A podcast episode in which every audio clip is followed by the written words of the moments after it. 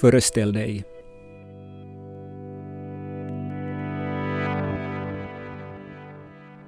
Du vaknar upp en morgon.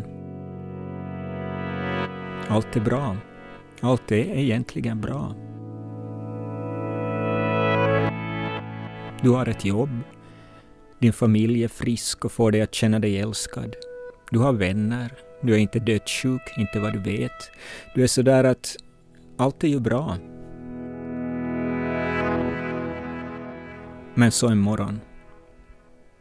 Du vaknar och tänker jag bara inte orkar stiga upp. Jag vill inte stiga upp.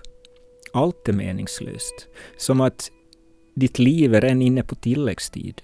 Världen har sprungit ifrån dig. Du hade din chans, allt var möjligt. Men nu står domaren där ute på planen med visselpipan i munnen, beredd att blåsa av.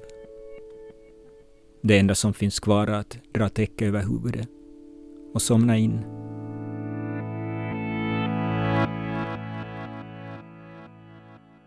Dokumenterat sänder Vad gör livet värt att leva? En berättelse om att inte ge upp. Av Thomas Jansson. Med musik av Robert Koch.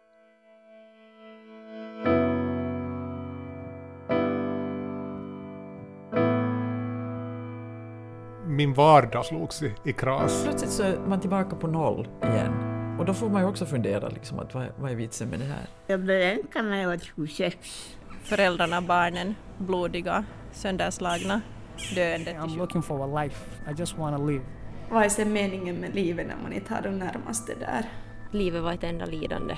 Allt annat fortsätter att leva och gå vidare men det Värt kändes att leva. som Liksom det var bra saker tidigare, allting.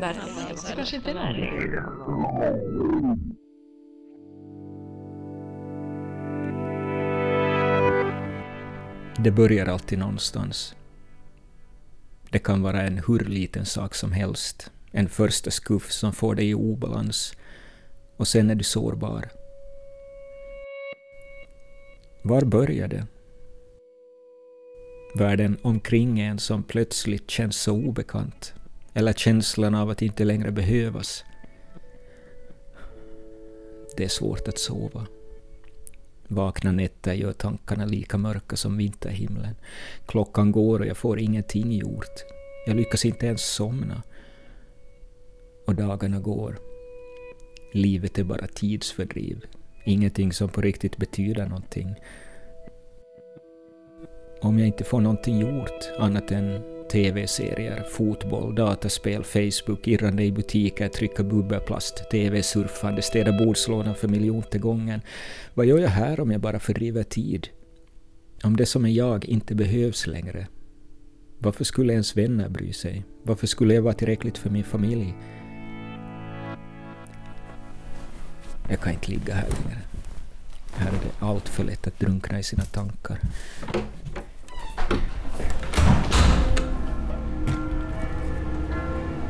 Jag är ju inte ensam. Som tonåring tror man alltid att man är ensam i sitt utanförskap. Men nu borde jag veta bättre. Och världen är full av själar som har bestämt sig för att fortsätta. Hur trött utled man än är har många bestämt sig. Jag vill träffa människor som har upplevt tragedier. Jag vill höra dem berätta hur de har gjort och vad de tänker när de får frågan.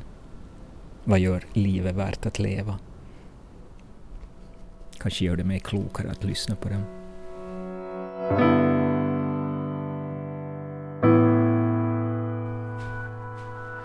Så jag promenerar in i ett höghus och ringer på hos mitt första besök. Där träffar jag kvinnan som plötsligt förlorar sin man åt en snabb, skoningslös cancer. Plötsligt så är man tillbaka på noll igen. Och då får man ju också fundera, liksom, att vad, vad är vitsen med det här?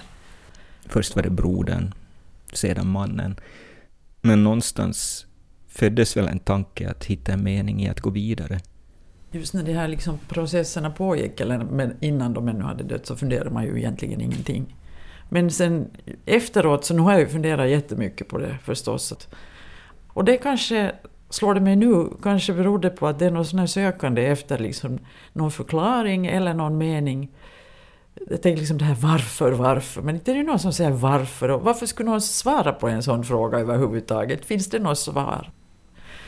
Så att vad det var för mig, jag vet inte. Det finns liksom två alternativ. Att ge upp eller trava på.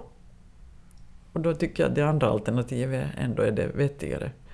Det på något sätt skulle verka vara ett slöseri att bara liksom säga att nu får det vara. Och just också det här att stanna upp, och, för det har jag liksom funderat på långt tidigare. Just det här att, att plötsligt så tänker man att man bara skjut. när man sitter i en telefonkö, vilket jag hatar, och det tror jag att de flesta gör, och liksom att du är nu placerad i kö, du är nummer 45, och så kommer det någon musik i örat. Jag menar, då känns tillvaron ganska meningslöst. Sen om, igen om man tänker så här att eh, du har haft upp balkongdörren och fåglar kommer inflygande. Och så lyckas du faktiskt få i den och liksom slänga ut den igen så att den kan fortsätta flyga. Det känns ju ganska meningsfullt, tycker jag, å andra sidan. Det att man hör, ser, känner smaker, lukter, kan kommunicera med andra. Redan det är ju liksom en enorm rikedom, att vad man får uppleva, man får se och liksom... Och, tror jag kanske också förmågan att låta sig förvånas. Att inte allt bara är ja, ja, nå det här kan vi nog få förut, för man vet aldrig. Jag börjar mer och mer fundera på det här med överraskningar. För det var ju också, så, och det hänger ihop med de här dödsfallen, att när man har kommit till ett skede i livet man tänker att nej, men nu är allting i ordning, liksom, vi bor här och vi har det ganska bra, eller vi har det mycket bra och så vidare. Och, nu kommer det att liksom trava på så här tills man nu säger adjöss, men så blir plötsligt så är man tillbaka på noll igen och får liksom revidera allting. Eh, och det är ju ganska konstigt. Och då får man ju också fundera, liksom, att vad, vad är vitsen med det här? Men det kanske inte är någon vits. Men det visar ju sig att livet söker sig vidare hela tiden. Alltså, om man tittar nu på några grässtrå som tränger upp i asfalten, så liksom att det finns en sån här vilja någonstans som kanske är liksom universell. Så.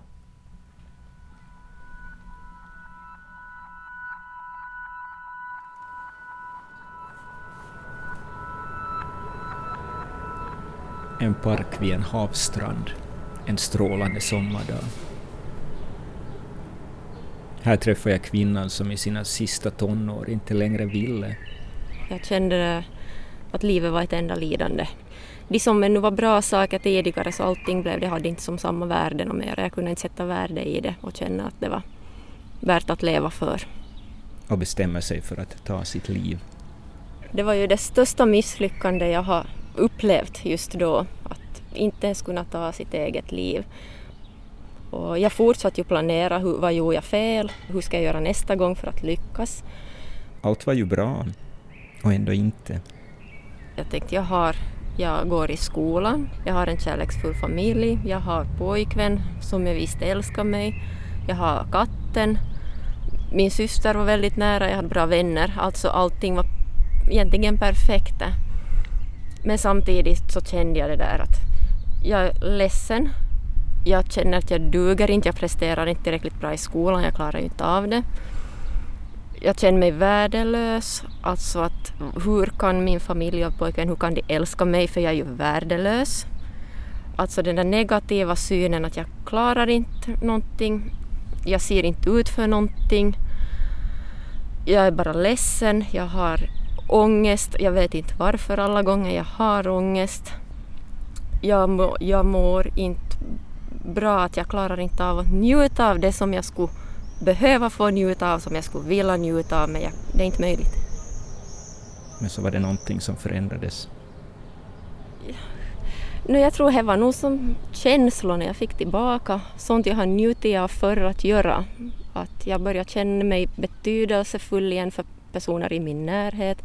Jag började känna en glädje av att göra saker och att alltså den där kärleken och glädjen som sen ännu några år senare blev som en riktig slags, jag kunde få sån där eufori.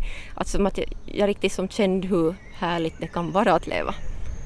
Uh, för mig är en stor del det känslorna jag klarar av att känna. Jag kan känna bra känslor, jag kan känna dåliga känslor, jag är en väldigt känslomänniska. Men det är de positiva känslorna som jag får ut så mycket av som gör att jag mår bra. Jag börjar ha som en tillit till livet att det är någon mening med saker och ting. allting kanske inte sker just då man önskar att det ska ske men att det arbetar i bakgrunden för att det ska ske lite senare, sånt man vill göra och menar för att göra. Ja, alltså, jag tycker faktiskt det är nog som kärleken. Den här kärleken jag får ha runt mig, de här människorna, jag har jättefina vänner och familj och människor är bra. ja, och naturen, alltså, ja, allt.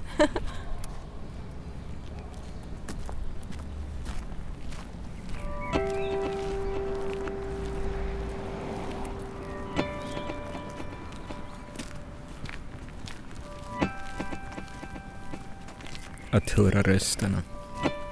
En människa som inte alls skulle behöva finnas längre. Som bestämde sig för att ge upp och nu kan berätta om det vackra i världen. Det låter så självklart. Hennes röst så full av liv. Det låter så enkelt. Och ändå är det mycket enklare att fastna i sitt eget mörker.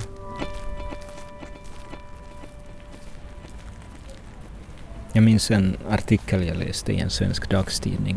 Den slog fast att över en miljon människor i Sverige säger sig sakna en nära vän och att begravningar utan en enda vän eller anhörig närvarande har nästan tredubblats på tio år.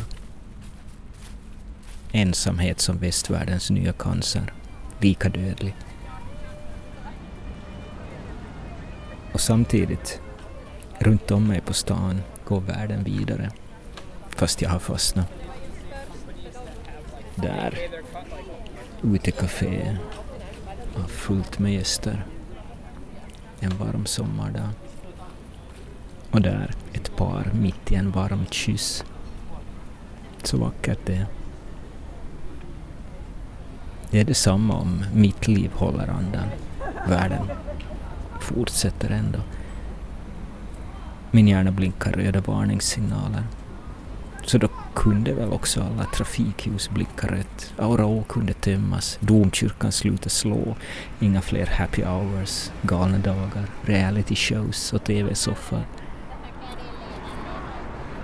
Jag kan inte vara ensam om att tänka så.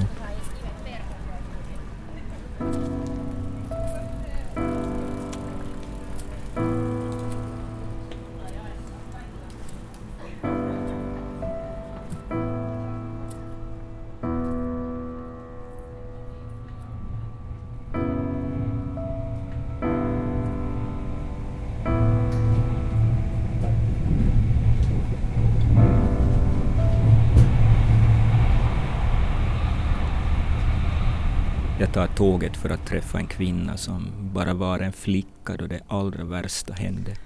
Då jag var 14 år gammal åkte vi tillsammans med min familj till Thailand för att fira jul och nyår.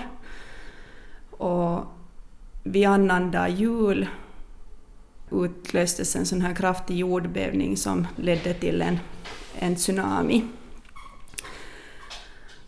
Och jag hann ännu säga till min pappa att jag älskar honom och han svarade tillbaka att han älskar mig.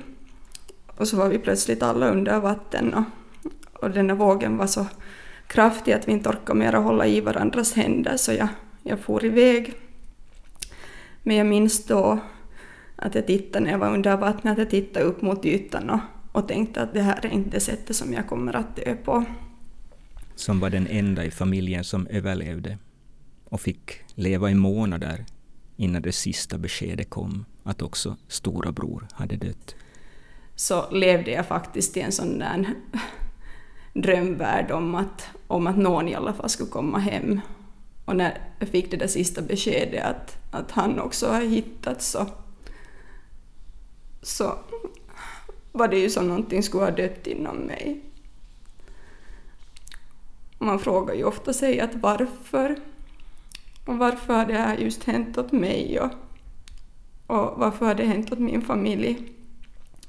Jag har faktiskt skrivit dagbok i flera år efter vart jag har bland annat skrivit tankar och minnen och meddelanden åt min familj. Och då har jag faktiskt skrivit flera gånger att, att jag vill inte leva mera och att jag vill vara med min familj. Jag tycker att det är så hemskt sorgligt att man har känt sådär som 14-15 år gammal. Jag funderar ofta på att vad mina föräldrar skulle tycka om jag skulle göra något åt mig själv. Och, och innerst inne vet jag än idag att de bara skulle ha önskat mig väl och att jag skulle ha fortsatt med mitt liv helt normalt. Så att tanken av det så har nog fått mig att kämpa vidare. Och samtidigt så efter den här katastrofen så flyttade jag till mina morföräldrar och bo. Och min mormor sa ofta att, att om jag också skulle ha strukit med så skulle de inte, inte vilja leva mera så att så inte skulle jag kunna göra det för dem. Inte att det var nu bara att försöka, försöka kämpa vidare. Nu var det ju hemskt att vara i skolan då för att man träffades ofta med brorsan i korridorerna och så här och, och sen att se hans kompisar gå där och, och leva vidare sitt liv. Så det var ju jättetungt. Allt annat fortsätter att leva och gå vidare men det kändes ibland som man själv trampar på stället om man inte kommer någonstans. Och vad är sen meningen med livet när man inte har de närmaste där?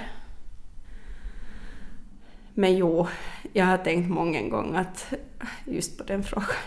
Har du kommit fram till något svar? Vad som gör livet värt att leva? Ja, jag väntar nog ännu på att se att vad, vad som egentligen är meningen med livet, men nu för tillfället är det nog det att, att jag har fått ett stadigvarande jobb som jag är väldigt, väldigt glad över. Och sen då förstås att så småningom kunna bilda familj med min pojkvän och, och få leva lyckligt tillsammans och, och hoppas på att alla i närkretsen också får vara, får vara friska. Det vackra med livet är det att, att man får dela sin vardag tillsammans med någon man älskar och också att man har andra människor runt omkring sig som betyder väldigt mycket för en. Och speciellt nu efter att jag då har hittat min kära pojkvän så att, att få, få berätta och öppna sig för en person som kan stödja och hjälpa en. Så det tycker jag är det jättefina med livet.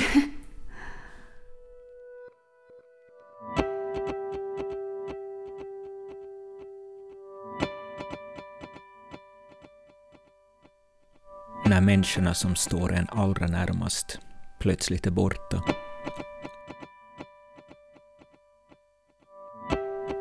Jag träffar mannen som först förlorar sitt lilla barn och sen... Alltså det var precis så att vi hade börjat kunna återhämta oss så att säga och, och börja få, få vardagen att börja känna att börja återvända till normalt.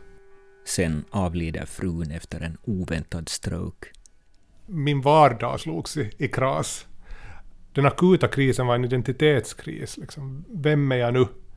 Att vad är det nu som säger att, att jag ska fortsätta att, att göra de saker jag brukar göra och inte göra de saker jag inte brukar göra när jag inte har någon blick att spegla mig i. Det var liksom den här känslan av fritt fall. Men mitt i allt, hur obeskrivbar skönhet kan finnas så nära den väldiga sorgen? Morgonnatten efter att Kika hade slutat andas, hon var ju då medvetslös i en vecka ungefär efter den här stroken. Så kom vi ut från sjukhuset och det var en sån här märklig varm sommarnatt. Otroligt vacker, det här var alltså mitt i natten vid tre, fyra tiden eller någonting. Och, och, och, den där skönheten som slog mig, liksom den här kontrasten, komma ut från de kalla sjukhuskorridorerna, ut i den här värmen som slår emot en. Det är kanske den liksom starkaste skönhetsupplevelsen i mitt liv. Och förstås den där frågan, inte varför det kunde ske, men var man kan hitta meningen igen. Det finns bara två saker som gör livet värt att leva. Att engagera sig i viktiga saker och att engagera sig i långsiktiga relationer. Och jag tänker mig att när så att säga de yttre formerna försvinner, liksom, är det det som blir kvar. Vardagen är bra när den hjälper oss se det vackra. För, för att vi kan aldrig veta var vi hittar det. Det är ju det underbara med det här livet. Att, att vi kan bli överrumplade av, av skönhet och godhet och sanning när vi minst väntar det. Samtidigt så tror jag att vi kan leva på ett sånt vårt liv på ett sånt sätt att vi är mer eller mindre öppna för den här skönheten. Gör vi fåfänga och njutning och, och status och makt till det viktiga i vårt liv så kommer det att göra oss mera blinda för det vackra i livet. Jag minns att jag kunde bli ganska arg när människor kunna säga sådär i största välmening men att oj, livet är så orättvist. Och jag var bara sådär att, men vänta nu, orättvisa använder för att beskriva samhällen och, och människors handlande, men livet är inte varken rättvist eller orättvist, det bara är. Det är inte så att säga livet har inte en mening, men vi kan skapa mening i livet. Jag, jag tror att det, det är ett genuint val hur vi kan se på verkligheten. Och, och på det sättet att jag idag vågar njuta av ganska triviala saker. Eftersom jag nu på något vis vet hur viktigt det här vardagliga vackra är så tillåter jag mig nog liksom njuta av en, en dag när man faktiskt bara kan titta på en TV-serie också. Men kanske ändå att man helst tittar på det tillsammans med någon annan. Att det är jätteskönt att gå ut och gå längs med ån på kvällen. Men det jag tänker mig är att vi behöver bygga upp sociala sammanhang som är hoppfulla. För att en och en så klarar inte de flesta av oss att välja det där hoppet. Att bygger vi upp bättre relationer runt omkring oss så kommer de att, att sprida det goda i världen, tror jag.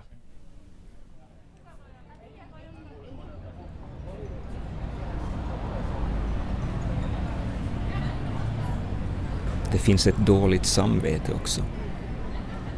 Hur kan jag vara glad när jag ser alla bilder av elände? Små barn som bombas i ännu ett galet krig. Jättelika öar av plast som seglar omkring i haven. Människor som flyr nöd och drunknar i ett ödsligt hav för att någon packat båten för full i jakt på mera pengar. Hur kan det finnas plats för glädje när sånt finns överallt, då allt handlar om siffror och profit och algoritmer? Jag har inte rätt att vara glad. Och så dyker den där magiska åldersgränsen upp, 45-årsgränsen, som enligt Wikipedia innebär att medelåldern har börjat. Alla vill ha en 35-åring, skriver Svenska Dagbladet. Vid 40 är det slut, skriver Expressen. Efter 40 sjunker attraktiviteten på arbetsmarknaden och vid 45 kan du hälsa hem, skriver Dagens Nyheter. Antingen är du under 45 och intressant, eller så är du över 45 och bara fel. Alla som har fyllt 45 måste väl ha känt någonting just den dagen. Som ett steg du tar och så är allt annorlunda. Som att oj, där var djupa sidan i simhallen. Oj, nu står jag i kvicksand. Oj, nu hamnar jag i fängelse utan att passera gå. Du går och lägger dig som mitt inne i allting och vaknar som på månen.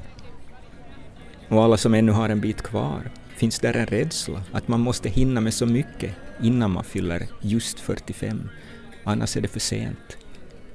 Plötsligt är det för sent. Det skulle ju inte gå så här. Kartan du alltid följt och förstått så bra, kartan över hur världen fungerar, plötsligt går den inte längre att lita på. Allting är upp och ner. Fake news, stängda gränser, nynazism. Vi hade ju lärt oss. Aldrig mera krig, aldrig mera omänsklig ondska. Allt man kämpat för, demokrati, jämställdhet, social trygghet, skola för alla, trovärdig information. Så mycket som man hade uppnått. Kändes som att nu har vi uppnått det här och kan gå vidare för att uppnå något annat, slåss mot nästa form av ondska. Och plötsligt är det ingenting värt. Vad är det som händer? Vad får någon att säga att det är självklart att den och den och den ska ta flyget till Afghanistan där döden väntar bakom hörnet? Självklart att kvinnan inte ska få bestämma över sin kropp? Självklart att mannen inte får visa svaghet? Självklart att man ska skrika ut sitt hat mot främlingar och det man inte känner till? Så ful människan blir av hat. Så sorglig man blir av att se det. Hur kämpar man mot det?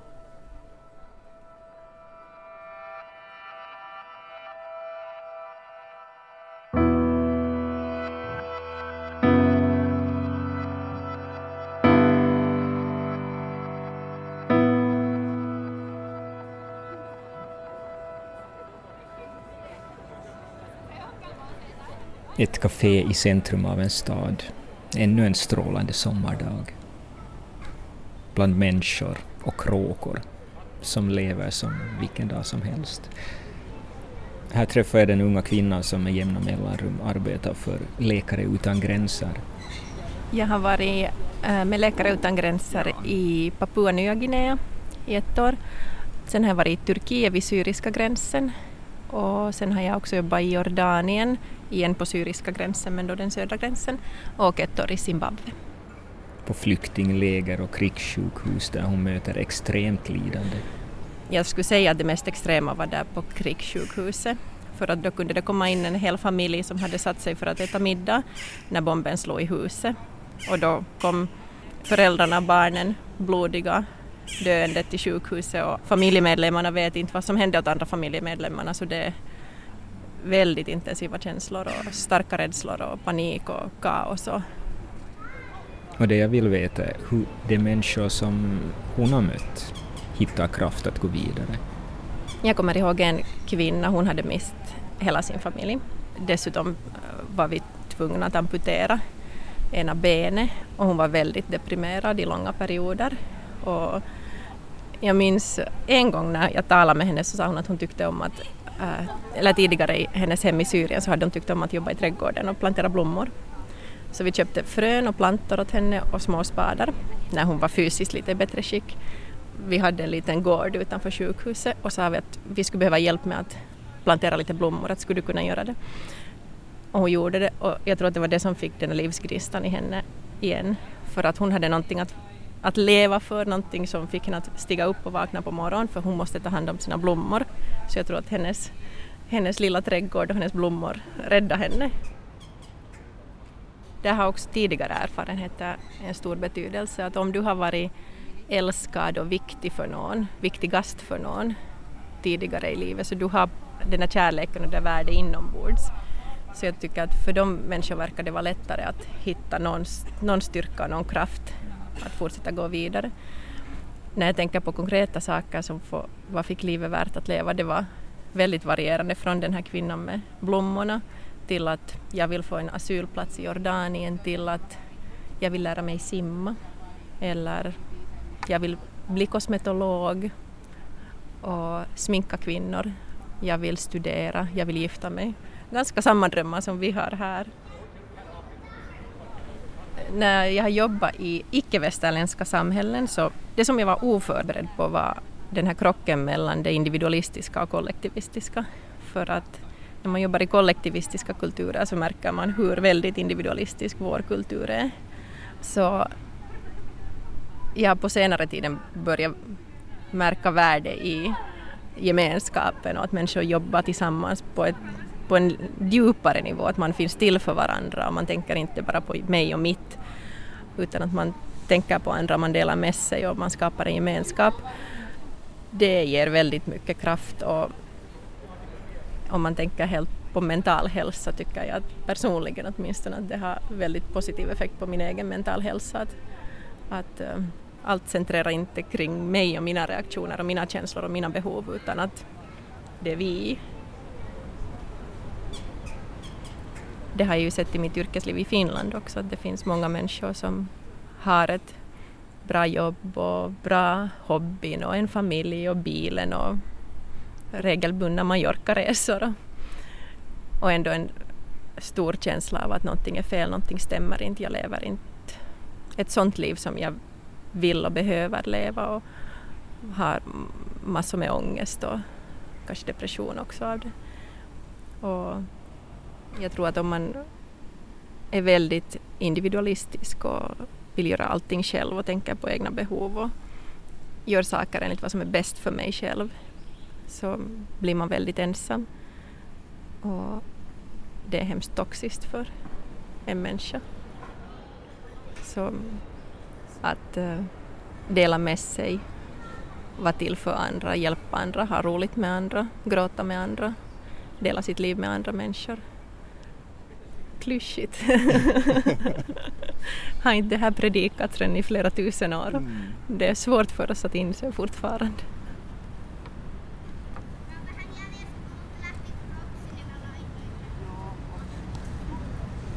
Ett kvarter vidare längs en åstrand träffar jag mannen som har upplevt allt från andra sidan. Somaliern som är född i Kenya men växte upp i Saudiarabien och som 18-åring insåg att livet han levde inte var ett liv värt att leva. So I decided that I will raise some money and no matter what it takes. And you know, of course, if you like uh, have what you call like gang ties or or like uh, you know, sometimes life puts you through a lot of situations what makes you do a lot of things that you don't want to do. I'm not looking for money. I'm not looking for for sex life or lust or anything. I'm looking for a life. I just want to live. So Hur han sökte ett liv, kom till Finland utan familj och drömmen att kunna veta att han inte oväntat kommer att dödas av en kula. I want to have that life where I can feel safe, where I sleep, and I know when I wake up tomorrow, I'm gonna be asleep here. I'm not gonna like suddenly get hit by a loose bullet. Just a secure life where you know, you can plan what you're gonna do after two weeks or three weeks. Bara att veta att du överlever är ett liv. Att överleva, att vara trygg, det vill han för sig och sin familj som fortfarande lever långt borta. I want that life, not just for me, especially my family, my mother and my brother and my baby sister. Because, for example, in Saudi Arabia, we don't have those kind of things like what you call a park or uh, the Aroyoki here, like where I can just grab my baby sister and say, hey, baby, let's go for a walk. Plus, you want to have a life of your own where you just fell in love. I haven't fell in love. Like I'm 22 right now. I haven't fell in love yet. I didn't even have time for it. So I want to fell in love. I want to. I want to get my heart broke. Tänk alla människor som har det, tryggheten, och ändå inte hittar meningen. Inte hittar glädjen i att kunna promenera runt ån. Så om han skulle träffa någon som har allt det och så mycket mer och ändå inte vill orka, vad skulle han säga åt den människan? Kanske titta inte efter det du inte har. Titta på det du har och du kommer att se att livet är bra. I would have told him that the life worth living because uh, there is an old saying has been said by our Prophet Muhammad sallallahu alaihi wasallam, which is, uh, in order for you to appreciate life, you really don't have to look to what other people are richer than you or have better things than you to look up for them and see what they have. See for those people who are really unfortunate and they don't have the thing that you have. Always look for the people who are lower than you. You will find life far more better. And to me, in my own advice, I will tell him like, look, life is beautiful. If you feeling bad and you go out for a walk and it doesn't work for you, you need to lo- walk longer. Trust me. People, they are what makes life beautiful. Och ta vara på människorna. Människor är det som kan göra livet så vackert. Många säger det. As I told you, like beautiful things is life. It's it's it's family. And now that Saudi Arabia, uh, my brother got caught by the police and he transferred back to Somalia. And my mother and my and my baby sister are stuck in Saudi Arabia. So if we reunited in Finland, and I know I can take my baby sister to the park and have fun with her and just go for a walk and let her enjoy the weather because the, idea, like just thinking about it, it makes me so happy. Just you know, the idea of us being reunited, and I know my baby sister will go to the study tomorrow. She's gonna go to Peruskolu, or whatever. Like the idea of me seeing her growing up in front of me, and I know that they are in safe.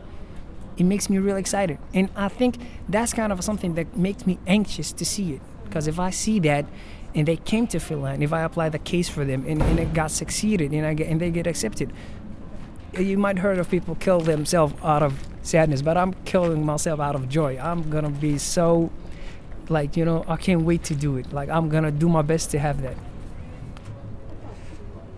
Det kan vara tillräckligt. Att få förälska sig, att få sitt hjärta krossat, att få överleva. Att få se sin lilla syster gå i skola och växa upp i trygghet. Andra kan dö av sorg, men han skulle dö av lycka om han fick se det.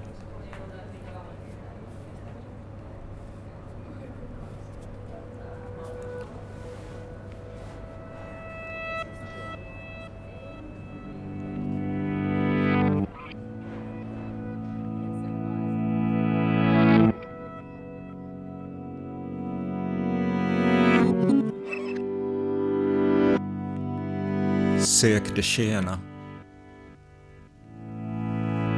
Bejaka det vackra. Se det du har, inte det du saknar. Våga känna glädje. Våga visa glädje. Våga låta en annan människa komma nära. En annan kropp.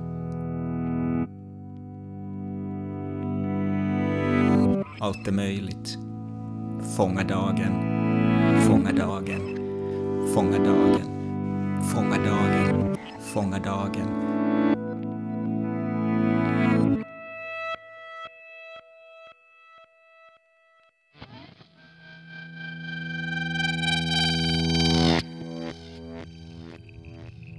Men om det inte går, om allt du ser omkring dig är återvändsgränders mörker, ingen solsida att rymma till, fake news överallt, ondska som återvänder, krigens grymheter vi aldrig skulle glömma. Plötsligt är det överallt igen. Naturen som inte orkar med människan. Snart är det överallt. Hav av plast, vågor av hat, avfall överallt, smuts och hat och rädsla och plötsligt bara finns det överallt.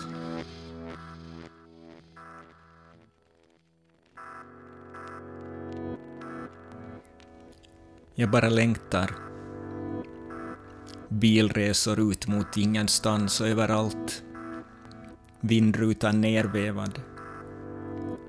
Allt du har är tiden som står stilla. Låt tiden stå stilla. En kort stund. Bara lyssna.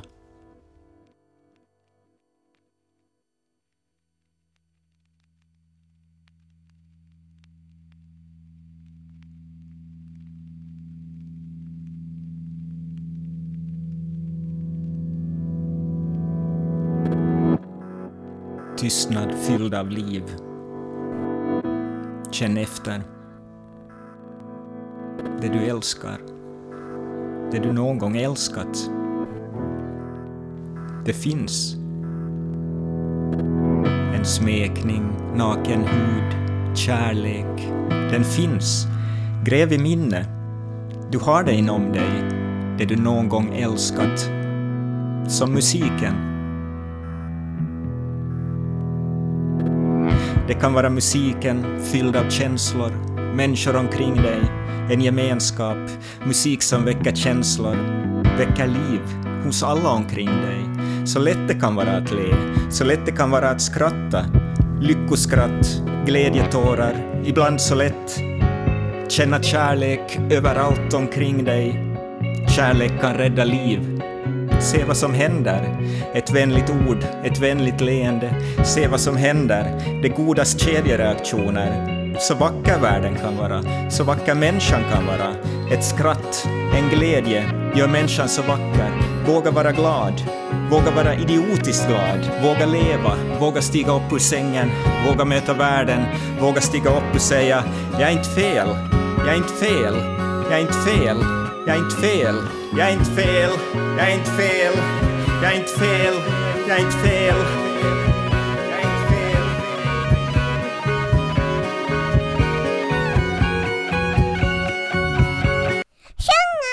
Papa, papa, papa, papa, papa, Maar Robbie in, ja, de zin, broja en mijn farfa, idom sem, eh, eh, eh.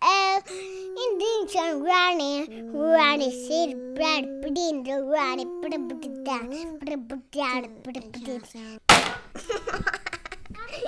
Det kunde vara så enkelt, så självklart. Att se ett litet barns förbehållslösa glädje. Glädjen i att få upptäcka världen, hur världen är öppen och allt är möjligt. Allt är möjligt. Det kan vara förkrossande vemodigt att se vad man själv en gång har varit, en gång men inte längre.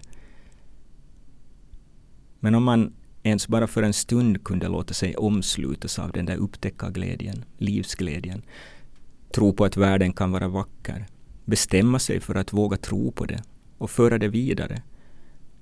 Som en sjömans skuld, gör en tjänst och det enda du ber om i retur är att människan du hjälper ska hjälpa en annan människa i nöd. Det godas kedjereaktion.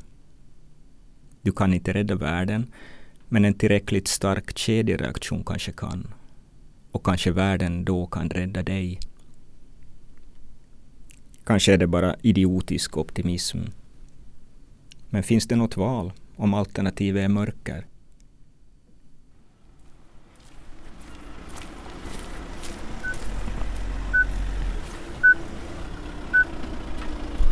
Jag har en träff kvar.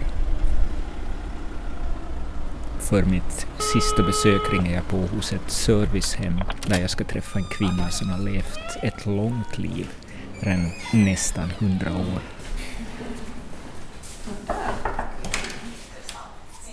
Hej Hjördis! Nu, nu blir det intervju. Jag sa nu blir det intervju. Jag vill träffa en människa som har ett långt perspektiv på livet men som barn kunde njuta av väldigt bekanta saker. Det var roligt att gå med morfar och fiska och lägga ut nät och sånt det var, Och på kvällarna det var så lugnt och stilla så att... Någon som har levt en helt annan ungdom, som upplevde ett krig just då livet som vuxen skulle börja. Vi ungdomar, det fanns ju ingen dans eller sådant, men vi började ha hemsitt på då blev ändå bara glada och lyckliga fast det var krig. Som jag har sökt upp, inte för att höra om tragedier hon upplevt, men jag lär mig snabbt att alla har en eller annan sorg som man bär med sig. Jag blev änka när jag var 26. Alla dagar var ljuvliga. Men sen då råkade han ut för en traktorolycka. Så det var ju hemskt det bara se framåt och, och, och, försöka glömma. Men man kan ju aldrig glömma. Än denna dag kan det någon gång börja tänka bakåt. Hela tårar. Och så frågar jag vad det är som får hennes dagar att kännas fina. Det behövs inte så mycket för att vara lycklig och glad. Om jag stiger upp och jag känner mig frisk och kry. Och sen på kvällen så börjar jag tänka allt vad jag upplever och varit med om så då är jag nöjd och belåten. Och då kan jag också sova bra. Och kärlek till närmaste, det, det har stor betydelse. Man ska vara ärlig mot sina vänner och kyssa om varandra. Och inte bara se fel på, på varandra. Livet är värt att leva om man får vara frisk det är det viktigaste, anser jag. Tack. Nu ska jag stiga upp och gå. Jag önskar dig allt gott. Ja, tack detsamma, hör du.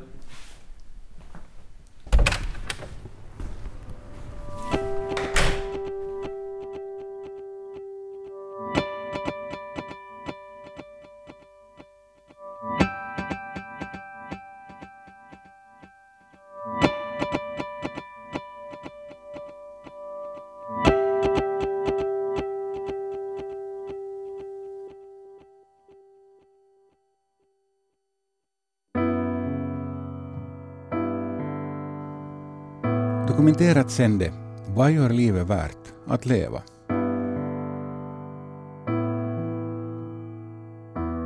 En berättelse om att inte ge upp. Av Thomas Jansson med musik av Robert Kock. Tack till Janina Orlov, Alexandra Sippus, Andrea Eckstein, Patrik Hagman, Minja Westerlund, Hamada Ibrahim och Hjördis Lang. Producent var Staffan von Martens.